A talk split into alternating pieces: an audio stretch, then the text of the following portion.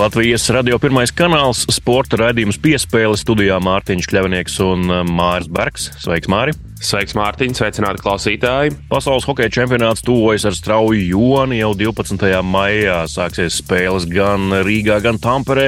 Latvijas hokeja izlase gatavojas arī pārējās 15 komandas briest šim startam, un kā gan mēs par to varam nerunāt šajā raidījumā. Ja reiz tas ir tik tuvu, tad par to ir jārunā, un tieši tāpēc arī šajā raidījumā ciemos būs viens no Latvijas hokeja izlases šī gada modeļa potenciālajiem līderiem - centra uzbrucējs Rodrigo Ābols. Svarīgi vēl piebilst, ka šī ir mēneša pēdējā svētdiena, līdz ar to arī aprīļa pēdējā piespēle.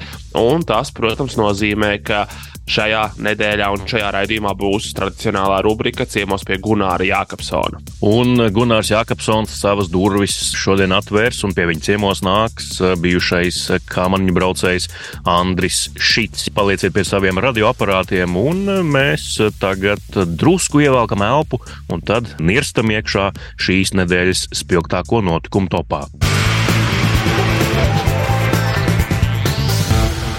Piespēle.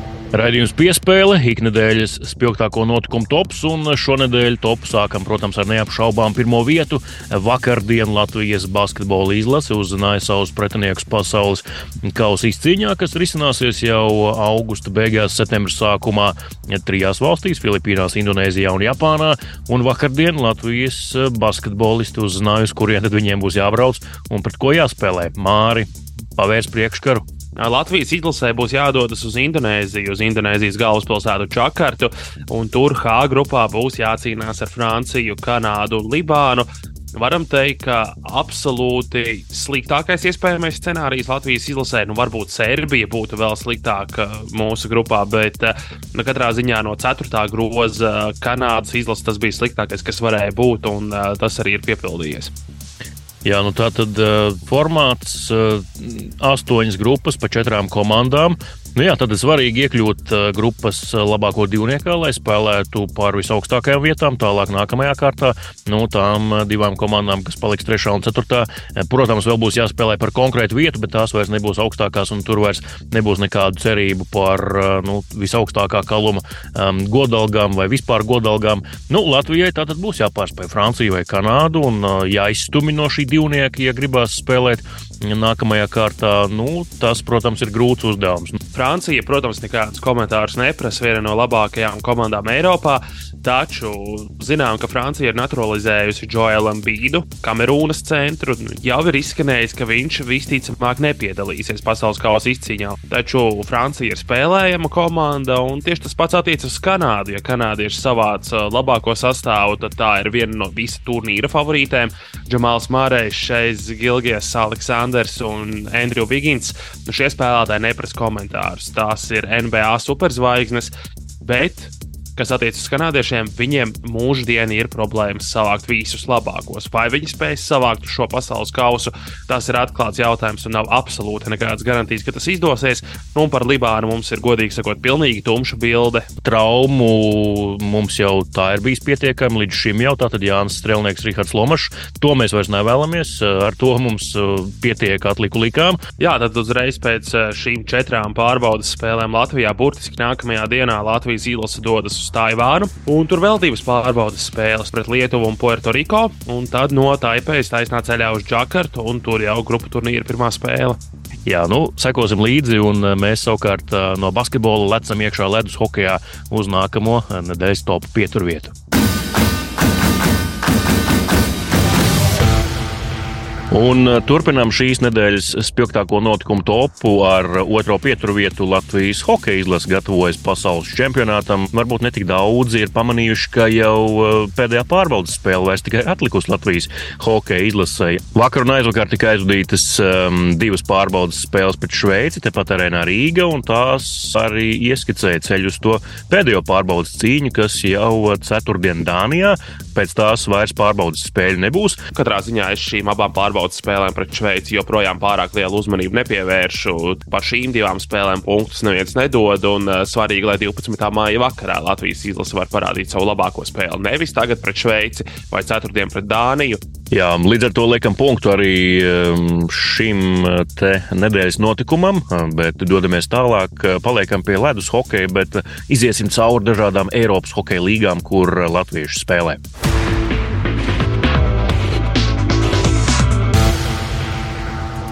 Un eh, trešais eh, šīs nedēļas pieturas punkts mūsu spilgtāko notikumu topā. Dažādi Latvijas hokeisti jau izcīnījuši vai vēl cīnās par eh, Eiropas līgu čempionu tituliem. Proti, piemēram, Vārtsargs Kristēns Guļļevskis cīnās Modo sastāvā pret Jurgardenu par Zviedrijas otrās līgas titulu. Un tieši šovakar, pusaustoņos vakarā, septītā izšķirošā sērijas spēle, pats pats saldākais no saldējiem mēdieniem, kas vien var būt, bet par čempioniem kļuvuši Denis Smirnovs un Sandis Mons. Šveicē. Šveicē. Noteikti, ka Ženēvā ir liela, liela svētki, jo Ženēvas servēja 7. spēlē savā laukumā kļuva par Šveices čempioniem ar abiem Latvijas hokeistiem. Sastāvā Denis Smirnovs spēlēja izslēgšanas spēlē Sandis Mons. Nē, bet um, Ženēvas šis klubs viss ir dibināts 1905. gadā, un tas ir pirmais čempionu tituls vēsturē. Vairāk nekā simt gadu vēsturē, nu būtībā gandrīz 120 gadus ilgajā vēsturē Šampanieti lej, un eh, iespējams arī kādos pasākumos piedalās aizsargs Kārlis Čukste, kurš savukārt kļūst par Čehijas čempionu. Tršiņets Očelāžī kāpja Čehijas tronī. Tršiņets komanda dominē Čehijas augstākajā līgā pēdējos gados. Čehijas ekstralīgā triumfēs pēdējās trīs sezonās. Viņi ir uzvarējuši četrus no pēdējiem pieciem gadiem. Līdz ar to varam teikt, absolūti spēcīgākā komanda Čehijā pēdējo piecu, sešu gadu laikā. Mēs dodamies tālāk šajā nedēļas topā. Un šīs nedēļas topu noslēdzam ar pēdējo pieturvietu Latvijas basketbola līga. Arī tūlīt, tūlīt sasniegs savu kulmināciju. Ventspils iekļūsi 22. Latvijas basketbola līgas finālā vienības vēsturē, bet gaida vēl savus pretiniekus, un tie noskaidrosies šodien. Ja klausāties piespēli vienos dienā, tad piecos spēle VF Rīga pret Liepāju. Ja klausāties eh, pēc sešiem vakarā, tad tūlīt šī spēle noslēgsies un jau būs zināms, vai par Ventspils pretiniekiem kļūs VF Rīga vai Liepāja. Tie, kur uzvar šajā spēlē, tie iet uz finālu. Tas, ka mēs tik tālu vispār esam nonākuši, tas pats par sevi jau ir liels pārsteigums un visu cieņu liepājas komandai, ka viņi jau ir spējuši izcīnīt divas uzvaras un šo sēriju ir novaduši līdz izšķirošajai piektajai spēlē. VF pilnīgi noteikti ir bijis jāiespringst šajā sērijā. To redzējām arī ceturtajā mačā. Es kaut kā esmu par to, lai ir pārsteigums un lai ir kurzemes derbijas. Vienkārši lai ir interesantāk finālā. Mēs, kā žurnālisti, protams, esam par to, lai būtu daudz veselīgu basketbola klubu Latvijā ar stabilām finansēm. Līdz ar to nebūtu nepriecājamies par to, ka VFam iet grūti, bet uh, cerams, ka tās finansiālās uh, problēmas tiks atrisinātas un VFs paliks arī nākamgad. Nu, vismaz šajā līmenī, kā bija šajās pēdējās sezonās. Nu, laikam uh, šobrīd ar šī brīža ekonomisko situāciju vēlēties kaut ko lielāku budžeta ziņā nav pamatoti. Kā jau minējām, no tāda vienkāršā skatītāja viedokļa noteikti Vēncpils pret Liepāju, turklāt Kurzemes derbijas finālā. Un Liepāja tikai otro reizi Latvijas basketbola līnijas fināla vēsturē spēlēt par galveno trofeju. Pirmo reizi 97. gadā tas notika. Tas būtu kaut kas jauns un tāds svaiga gaisa malks. Tieši līgai no tāda izaugsmes un intereses viedokļa tas noteikti nāktu par labu, ja finālā ja fināls nav prognozējams pirms sezonas. Līdz ar to arī noslēdzam šīs nedēļas eh, spilgtāko notikumu topu un jau tūlīt saruna ar Latvijas hokeja izlases spēlētāju Rodrigo Ābolu. Piespēle! Studijā Mārtiņš Kļavnieks un Māris Bergs. Mārī, nu par ko gan hokeja pavasarī runāt, ja ne par hokeju, vai ne? Šajā reizē pie mums ciemos viens no valsts vienības spēlētājiem, Rodrigo Abols. Sveiks, Rodrigo! Sveiki! Tu arī esi iekāpis hokeja pavasarī, nu jau kādu laiku trenējies ar izlasi, bet mēs labprāt parunātu gan par izlasi, gan par uh, klubu. Kā tev šo sezonu gāja, bet sāksim ar vienu citu tavu kaislību. Kā tu pats arī esi atzīts publiski, tad nu, tu esi viens no tiem uh, grilēšanas sezonas arī skartajiem vai piekritējiem. Es jau atklāju atklājis sezonu. Jā, sezona tika atklāta. Laikam, kuģis ienāca ap septiņiem laikam, no rīta. Nu, un vienos jau bija Latvijā mājās, babītē pie grila. Kā... Jau kurās ogles jau viss jau notika? nu, ogles nē, sievas tēvam gazinieks ir ļoti ātrs, mm. tur viss uzsilst un vienkāršāks process. Un iespējams tāpēc arī ļoti patīk šobrīd grilēt, tāpēc, ka nav ar oglēm jācīnās. Mājās ar kuģi brauc tātad? Jā, jo man bija daudz mantas, mašīna savu tur, tā kā ar kuģi bija ērtāk atbraukt nekā ar lidmašīnu. Jā, nu tad mājapceļš no Erebru, nu, varētu teikt, ka tāda, tāds viens tavs dzīves posms vai piecu gadu ēra ir noslēgusies šajā pilsētā, šajā komandā. To arī gribējām vaicāt, kā tu brauci mājās, vai ar visu iedzīvu, kas tev tur bija sakrāta, vai kaut kas tomēr palika. Nē, nu, visi iedzīvi tika paņemti no dzīvokļa, bija jāizvācās. Tā kā jāatbrauc draugs palīgā, mēs piekrāmējām busiņu lielo līdz lūpai. Izrādās, pa pieciem gadiem var daudz mantas sakrāties. Un jā, vēl viena gulta bija arī jāatved, ko tur bija iegādājies un negribējās viņu mest ārā. Pakoties laikam visgrūtāk saņemties, ka to izdarīt, bet uh, paveicās, ka bija arī labs laiks Zviedrijā. Bija plus 20, kā šortiņos, čībiņās. Bet jā, tā, man liekas, tā ideja varbūt tās tas, ka tur es tiešām neatgriezīšos vēl līdz galam, neliekas reāli. Būs reāls, tā, kad nākamgad es braucu uz Engelholmu, nevis uz uh, Orebro. Tā kā jā, tas bija tāds labs posms, un uh, jāatcerēsim, ka arī turpinājums būs labs. Bet, jā, tīpaši playoff laikā daudz nāca klāt, arī kad ziņas iznāca, kas brauc prom, bija ļoti daudz cilvēki, kas nāca klāt un teica paldies par visu. Un, uh, žēl, ka, žēl, ka nepaliek. Bet, nu, tāds, ir, tāds ir hokejs, tāds ir tas hokejs. Galu galā beigās ir bizness. Un, uh, pēdējo spēli mēs zaudējām pusfinālā mājās. Un uh, ģērbos nost un nekapēja menedžers pienāca pateicis, ka fani sauc ārā mani. Parasti tur izsauc vai nu visu komandu vai ko, bet šoreiz bija tikai es.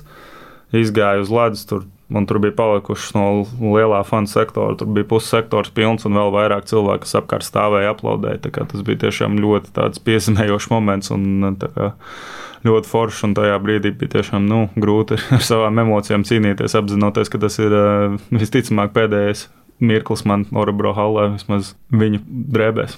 Bet beigās viņi tev kaut ko tomēr piedāvāja vai vispār nepiedāvāja? Nevienu līgumu es nesaņēmu. Kāpēc tā? Kāds vispār kādreiz paskaidroja, kāpēc savam kapteinim, vienam no rezultātīvākajiem spēlētājiem, neko nepiedāvā?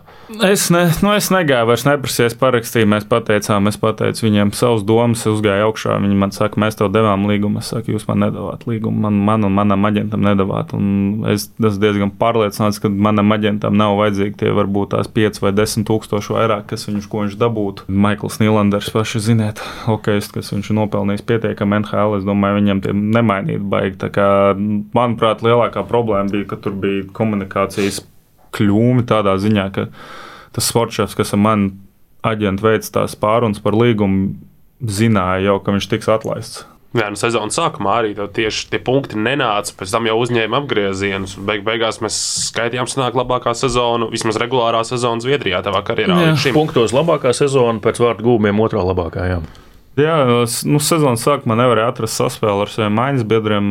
Jā, un vislabākais periods bija, kad nu, iznāca tās ziņas. Es iznācu, pateicu savu, es pateicu, ka tīri sirdsapziņa, kas brauc tur, bet es šo sezonu līdz galam, protams, spēlēju Korabro. Tas ir labāk, visražīgākais periods Zviedrijas hokeja manā karjerā. Nu, tad pievērsīsimies tavai jaunajai komandai, Engelholmas Rogle. Paskatījāmies arī eh, ne tikai spēlētāju sastāvu, bet arī menedžmentu un, un treneru sastāvu.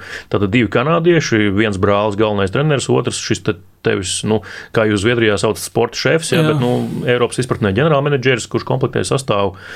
Tad ar viņiem arī bija tā komunikācija galvenā. No nu, sporta šefa pārsvarā, jo mm. viņiem gadu sezonas sākumā ir uh, SHLM ir tāda kā startup sapulce, kur vairāk priekš televīzijas, ar kuru visi kapteiņi, treneri, ģenerālmenedžeri satiekas Stokholmā uz divām dienām. Tad tur jau bija Viņi pienāca, aprunājās, tīri tā pieklājības pēc, un tad uh, vēlāk, kad aģents tur interesējās, kuras komandas ir ieinteresētas, tad viņiem bija tā visstiprākā interese. Un tas uh, viens no viņu brāļiem, uh, tas sports ar to visvairāk runāja. Un tā loma, ko viņš stāstīja, patīkami dzirdēt. Viņš atbrauca, sagatavojies, izdarīja savu maizdarbу par mani, par manu ģimeni, zināja, kas mēs esam. Hokejs, ko viņi piedāvā, viņi spēlē tiešām ātru un agresīvu un uzbrukošu hokeju. Tā sajūta, ka tu jūties gribēts kādā komandā un ka nepieciešams tu un arī tā hala diezgan forša atmosfēra. Tur ir uh, seši, laikam, tūkstoši bišķīt pāri, un uh, vislīdzīgākā NHL, kur ir skatītāji sēž pie stikliem. Vienīgā SHL vismaz. Viena no grūtākajām halēm, kur spēlēt, man vismaz bija kā izbraukuma komandai, tad tagad tā būs mājas hala. Tad var kaut kas, kaut kas beigas labs sanākt un cīnīties par zelta nākamā sezonā. Jā, nu tas arī nu, Rogli ir tā viena no komandām, kurai ir ambīcijas cīnīties par titulu. To viņi teikuši arī publiski. Nu, jā, nu, es saku, viņam šī sezona bija viens varbūt solis uz apakaļ, bet, ja pastāstīs iepriekšējā sezonā, Covid sezonā, fināls, nākamajā, man liekas, bija arī pirmie vai otrie regulārajā sezonā un mazliet neizdevies playoffs. Klau, tur bija ar to interesi nu, no citām komandām? Noteikti, ka tavam menedžerim Mikēlam Nīlanderam cilvēki zvanīja un interesējās. Bija liela interese no Zviedru komandām. Nu, viņš neteica, protams, ka katra komanda šeit bez mazliet smējoties, ka viņi tur par Orabro nesaprata, ka viņi uzskata, ka ir tik ļoti. Ka Orabro sākumā izklausījās, ka viņi vienkārši uzskata, ka es parakstīšu te un ka viņiem nav jāiesprings. Jo arī interesanti bija, ka tas ģenerālmenedžers teica, ka intervijā viņš teica, ka nu, mēs esam diezgan mierīgi par Rodrigo, ka tās ir tikai viltus, viltus vārdi no, no, man, no maniem aģentiem. Lai gan viņš saka, ka tev 13 citas komandas līgā, kas ir gatavs tev parakstīt rītā kaut vai tādu. Interesi bija, bet nu, nopietnākā, protams, tad uzreiz tu, ka kādas citas komandas painteresējās un tad tiek uzreiz teikts, ko. Ko citas komandas dod, nu tad, jā, tad no Rogas bija vislielākā interese, un arī man pašam tur bija. Hmm interesi. Bija arī kaut kādas nu, nu, baumas, vismaz kaut kādā līmenī, ka, piemēram, Šveices līgas komandas arī tevi izskata un vēlas no citām valstīm interesējās, no citiem čempionātiem. Jā, bet ar aģentu runājot, ka mēs vēl gribējām palikt vēl trīs gadus Zviedrijā. Trīs tieši. Nē, nu, labi, trīs bija ideālajā gadījumā, man zina, jo garāks līgums, jo tu komfortablāk jūties. Mm. Tādos spēka gados mēģināt tomēr to Šveici. Tas nebija tādā plānā. nu, vēl nebija. Nu, es uzskatu, ka 30 jau arī nebūs man norietis gads. Es domāju, tad var kaut ko tādu. Nav, nav to tikai dzīve sāks, to es varu teikt droši. Bet, nu, nezinu, Zviedrija, nu, tur ir augsts līmenis, un, ja, ja ir vēl cerība uz Ziemeļameriku, tad no Zviedrijas, manuprāt, mēs uzskatījām, ka ir lielāka iespēja nekā no Šveices. Pievērsīsimies Latvijas izlasēji, sarkanbalts-sarkanajai komandai. Es ieradies, es saprotu, nu, no kuģa uz balvu Galli gluži nē, bet uh, pārāk liels brīvdienas neņēma. Uzreiz jau meties uh, treniņu procesā. Ja? Nu jā, viņi nesatbrauc, ka viņi bija vēl Lielbritānijā. Otradien bija pirmais ledus ar tiem, kas mazāk spēlēja, bet tiem, kas vēl bija Latvijā.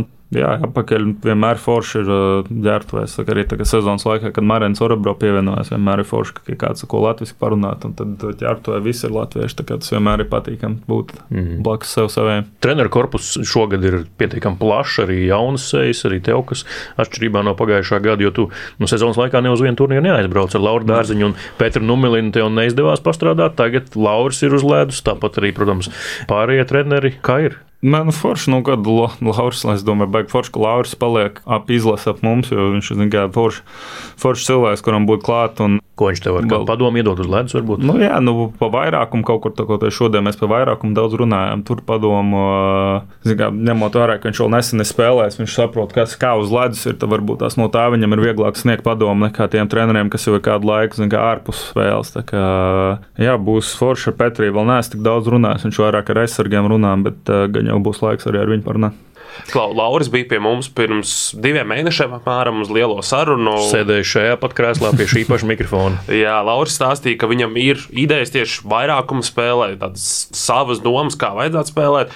No tā, ko līdz šim mēs paspējām redzēt, ir kaut kādi tādi svaigi koncepti ieviesušies tieši ar Lauru ienākšanu vairākuma spēlē. Ja tā ņem, tad Artim bija viena vairākuma brigāde, un Lauram bija otra. Tā kā es, es biju pie Arta brigādes, tā kā vēl Laura domas varbūt tās neesmu redzējis, bet es gan jau to, to visu paspēju. Ko tev vispār nozīmē tas, ka čempionāts notiek mājās, un tagad pa īstam notiek mājās ar skatītājiem. Nevis kā pirms diviem gadiem, kad nu, tur tikai tajā pēdējā Vācijas spēlē bija daži cilvēki. Jā, Nē, nu, nu, forši, nu, tie, tie ir hokeja svētki. Un, un, Es jau teicu iepriekš, ka centīšos viņus vairāk izbaudīt šogad, nekā uzlikt kaut kādu nastu sev. Un iet, kā jau teicu, ka līdzīgi kā klubā, kad to tīro sirdsapziņu izgāja kontrolēt, ko var kontrolēt, sniegt labāko sniegumu, ko var sniegt komandai un censties palīdzēt uzvarēt pēc iespējas vairāk spēles. Un tas, kad skatītāji būs tribīnēs un gatavi mūs atbalstīt. Tas jau tikai mums, kā vienmēr, ir septītais laukums spēlētājs. Mēs, Rodrigo, ar tevi pagājušajā gadā Tamperē sēdējām pie galda viesnīcā un runājām par tiem diviem Rodrigo, kas ir viens klubā, viens izlasē. Tu šogad esi ticis vairāk skaidrībā, kas jādara, lai tas kluba Rodrigo ierastos ar izlasē? Nu, es saku, vairāk, man liekas, baudīt to, ko es daru. Nu, kā, nu, tas nav pienākums vai kaut kāds, nezinu, nasta. Neviens, es saku, nu, neviens nāzi necirtīs pa rokām, ka ja kaut ko ne tā izdara. Tā kā vairāk, kas saka, ķert prieku, ķert, baudīt procesu un gūt prieku no tā, ko dara arī izlasē, ne tikai klubā ņemot vērā tādu cikliskumu lietās dzīvē, tad regulārā sezona tev bija izcila. Playoffs varbūt ne tik labi gāja. Tur bija varbūt tas izlases Rodrigo, un tad uz izlases varbūt atbrauks tas kluba Rodrigo, kas ir regulārā. Cerams, jā. Saka, nekrita playoffs, kritīs izlasē. Jā, jā. jā.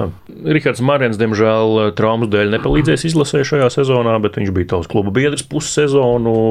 Es arī ar viņu sezonas vidū parunāju par to viņa to ievērojamo kāpienu Zviedrijas hokeja sākt ar trešo līgu, paralēli strādāt celtniecībā, tad uh, otrā līga rezultatīvs un jau virslīga, uh, jeb SHL šajā sezonā. Kā tu redzēji, kā Rihardam izdevās iekļauties Erebru komandā? Nē, nu, sāka viņš labi. Jā.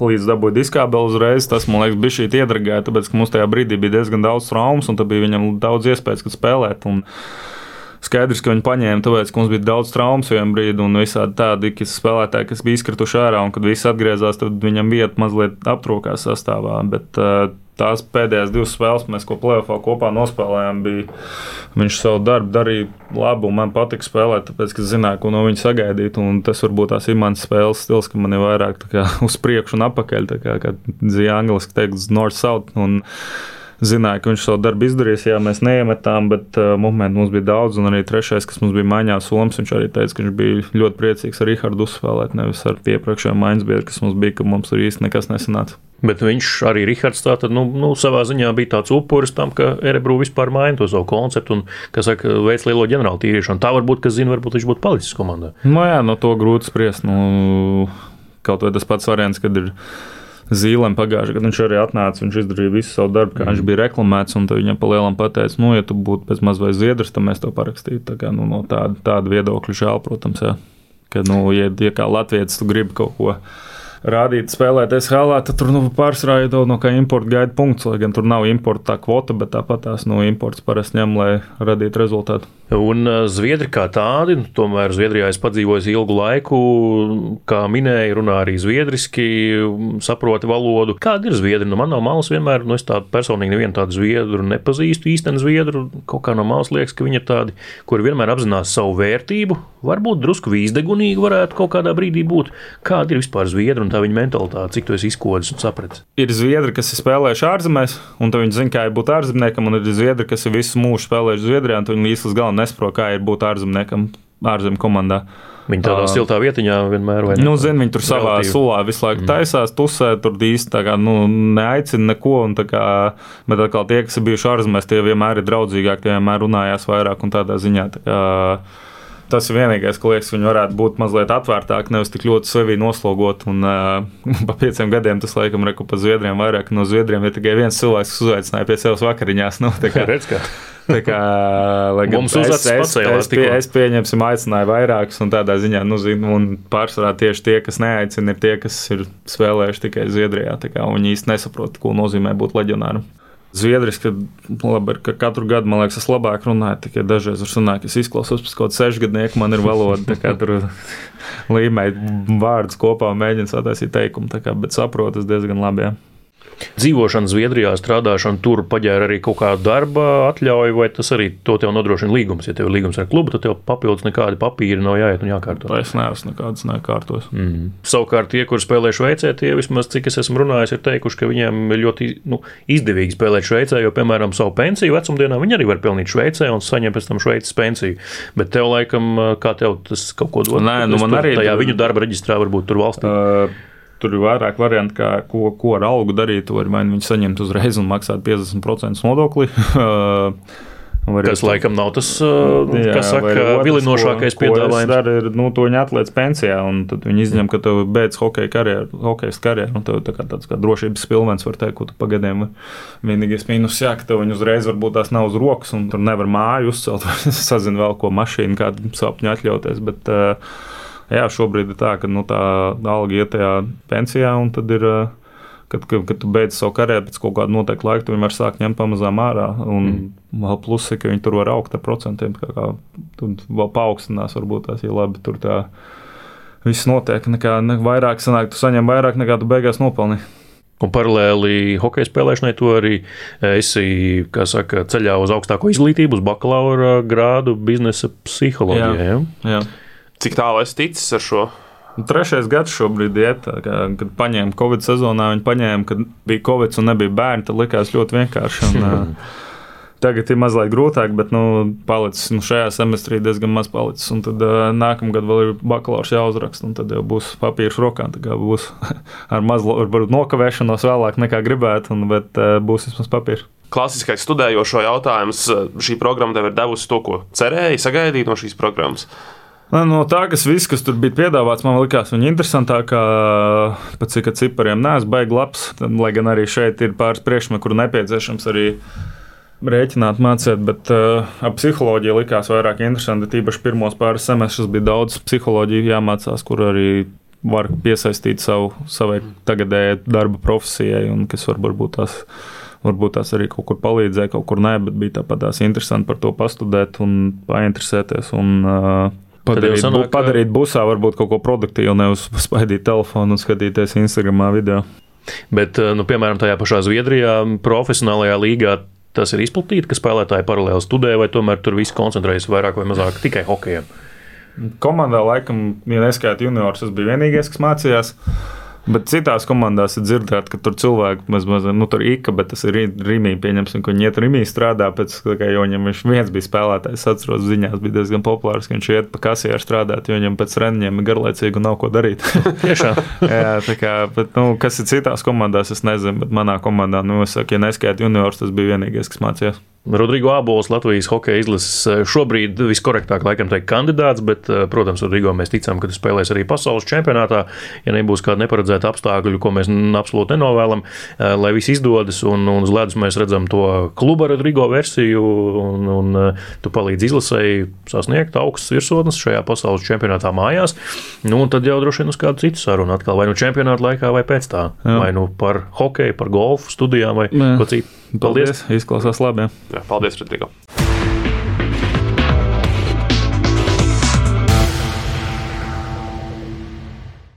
Latvijas radio pirmais kanāls, sporta rādījums piespēle, studijā Mārtiņš Kļavinieks un Mārs Bergs.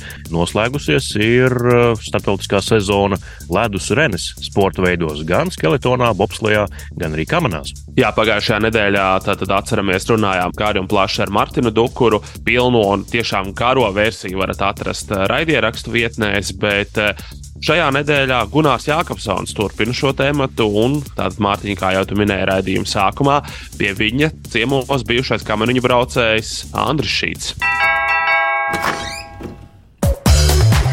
Ciemos pie Gunāra Jākapsona.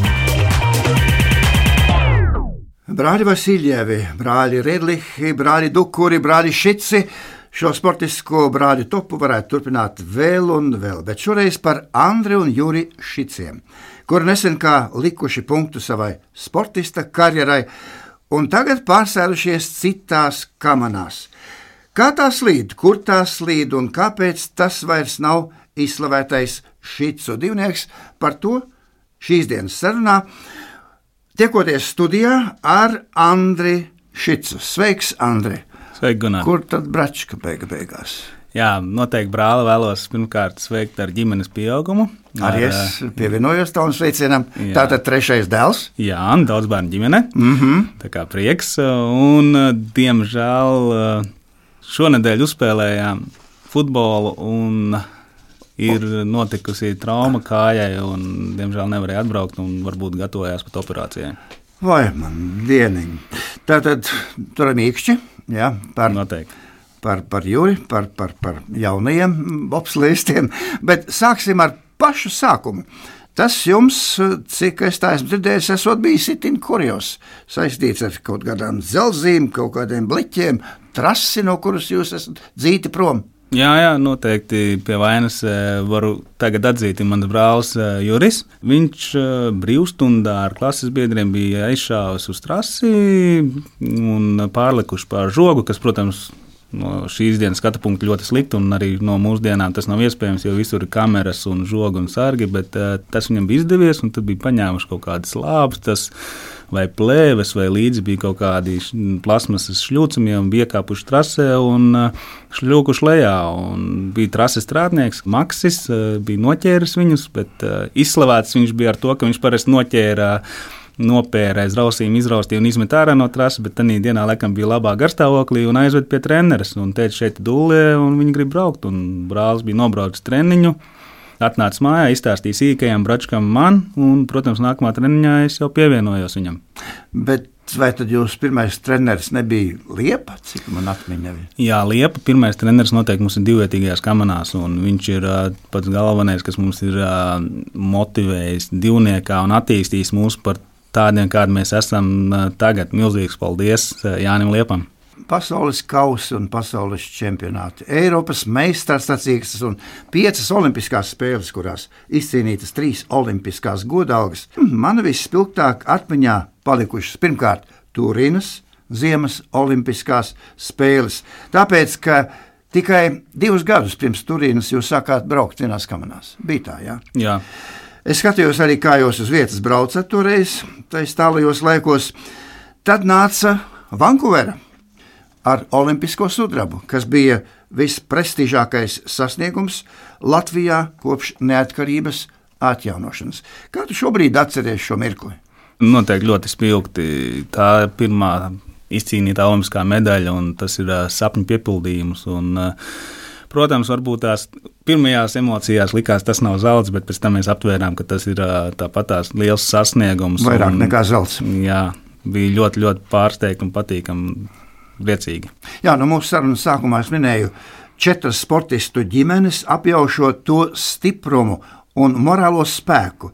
Vistiešākā veidā tas sekmējis bērnu sportiskos sasniegumus. Es to attiecinu arī uz jums, uz tevi, Andru un Juri.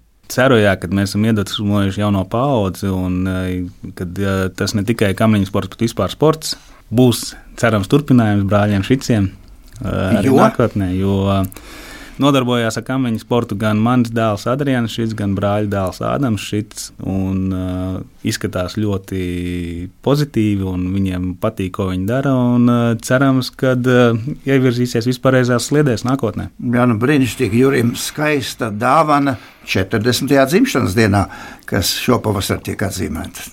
Jā, noteikti. Nu, protams, nevar nerunāt ar tevi un neminēt tādu unikālu personību kā olimpisko vecmāmiņu, jūsu vecmāmiņu Liliju. Tas ir īpašs stāsts, savienojušie pavadīšanas un sagaidīšanas rituāli, un vispār viņas loma jūsu personības izaugsmē. Jā, noteikti liela loma mūsu vecmāmiņai ir mūsu sporta gaitās. Viņa vienmēr ir fanojusi pa mums. Un, uh, Katrs mazākais rakstīns, kas bija avīzē, jau no bērna kājas, tika izgriezts un salikts grāmatā. Un uh, visi kausi, kas bija junioru vecumā, mēs vienmēr vedām viņus pie mūsu vecmāmiņas un dzīvoklī likām plauktā. Un pats svarīgākais, kas vienmēr ir bijis pirms katra izbrauciena uz ārzemēm, mēs vienmēr devāmies pie vecmāmiņas Un, uh, viņa mums ceļam deva rupmaizes garoziņas, kas viņai bija speciāli krātas, grieztas un kaltātas tikai priekš mums un, protams, pārējiem mazbērniem. Bet mēs vienmēr centāmies to gabaliņu Latvijas garoziņas veidolā paņemt mums līdzi. Un tas palīdzēja tikt pie medaļām. Kā redzams, jā. Neiztiek bez liktenīgiem kritieniem un traumām, kā tev pašam ir gājis. Traumas varbūt tās vairāk vai mazāk gājušas seceni jāsaka, pu, pu, pu, un paldies, ka tā, bet, nu, protams, ir bijušas arī operācijas nepieciešamas, lai varētu turpināt un fiziski trenēties vēl vairāk. Juris 2011. gadā cieta smagā auto avārijā. Operācijas, vairākus mēnešus ilgs rehabilitācijas process, smags periods viņa dzīvē, jūsu dzīvē. Kā viņš tavuprāt tika pāri šīm traumām visām un likstām? Nu, tagad, raugoties, es gribētu teikt, ka ļoti labi ir ticis tam visam pāri, jo mēs esam piedalījušies vēl pēc tam uh, trijās Olimpiskās spēlēs un, uh, ar labiem rezultātiem un atzīstamiem. Un, uh, tā motivācija varbūt tās ne tikai brālim, bet man bija daudz lielāka, jo es sapratu, ka brālim pēc avārijas, lai atgūtos, nebūt, nebūs tik vienkārši, man bija jātrenējas ar dubultu spēku. Un, uh, Tādēļ, jo īpaši es gribētu izcelt, ka man vissvarīgākās medaļas ir bijušas Sochi Olimpiskās bronzas medaļas. Kaut viņas ir vienu pakāpienu zemāk nekā Vankūverā iegūtais sudrabs, bet man viņš ir visaugstākajā vērtē. Es domāju, ka pat neviens zelta citās Olimpiskās spēlēs to nevarētu atsvērt. Jūs, Andrej, esat visai dažādi raksturā. Juris tāds impulsīvāks, šķiet attraktīvāks, pat autosports viņam nav svešs. Tu esi tāds it kā mierīgāks, pragmatiskāks, kā man Mārtiņš Šits savulaik teica, inteliģents runātājs. Nu, kā šīs atšķirības vai dažādības palīdzējušas jums gūt tādas sekmes eh, kamerā braukšanā? Es domāju, tas ir ļoti palīdzējis. Jo vienmēr bijis tā, ka viens tāds asāks, varbūt tās sarunās, varbūt tā asāk kaut ko pateikt, un es no aizmugures varēju iet un mēģināt nogludināt. Brālis varbūt tās bija pateicis skaļi to, ko es biju nodomājis, un ko es neesmu varējis pateikt. Nu, es domāju, tas ir vienmēr bijis pozitīvi, kad viens mācīja pateikt visu, ko domā, un otrs mācīja varbūt to otru noslāpēt. Nu, par savas karjeras beigām jūs paziņojat pērn. Tas bija visai negaidīti. Turklāt, eh, izējot eh, no trases, izkāpjot ar, ar rekordu. Jā, noteikti. Siguldā aizvadījām tas neoficiāls trases rekords, jā, bet uh, tas tā bija. Tas punkts tika pielikts Jo mēs zinājām, ka, eh, lai gatavotos vēl četrus gadus, ir ļoti daudz laiks jānozog savām ģimenēm. Viņi ir pakārtojuši visu, lai mēs varētu darīt to, kas mums patīk. Tādēļ bija jāsaprot, ka eh, vēl četrus gadus mēs tā nevarētu turpināt. Kā tu šobrīd vērtē savu sporta veidu Latvijā, tā no malas raugoties? Protams, tās ir tradīcijas, un eh, viens no neapsveramajiem faktoriem ir, protams, ka mums ir pašiem savu kamaniņu trase.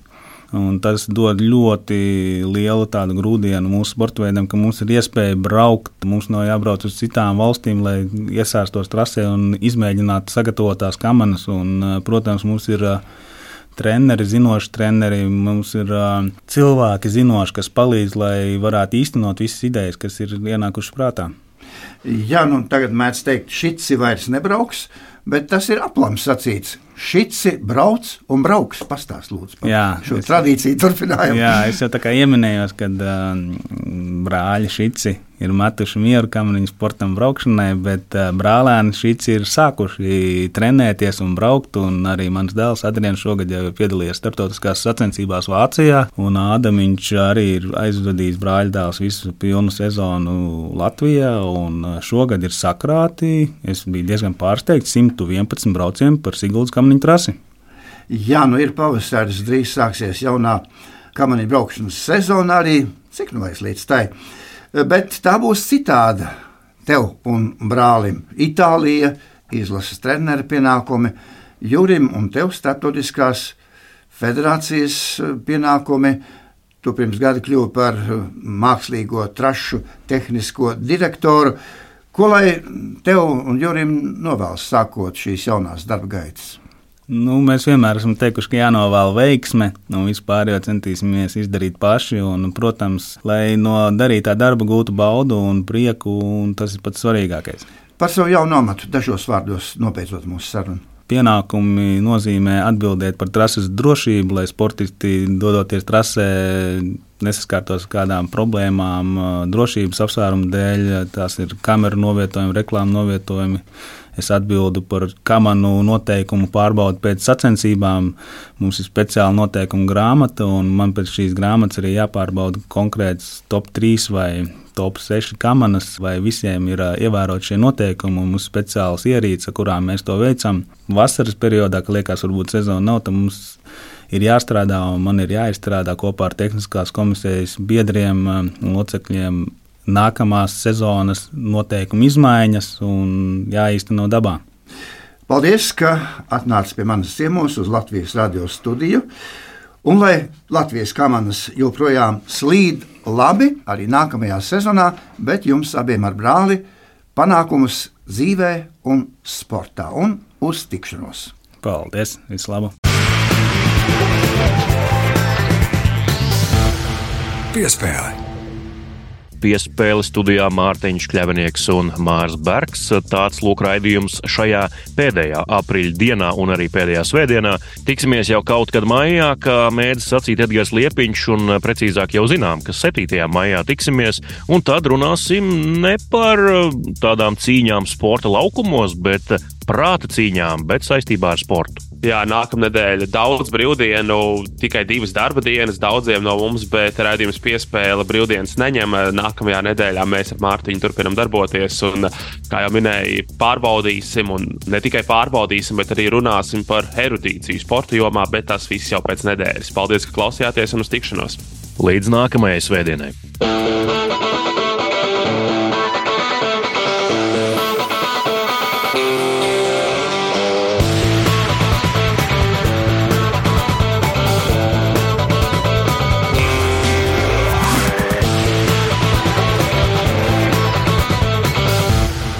Sporta raidījums piespēlē.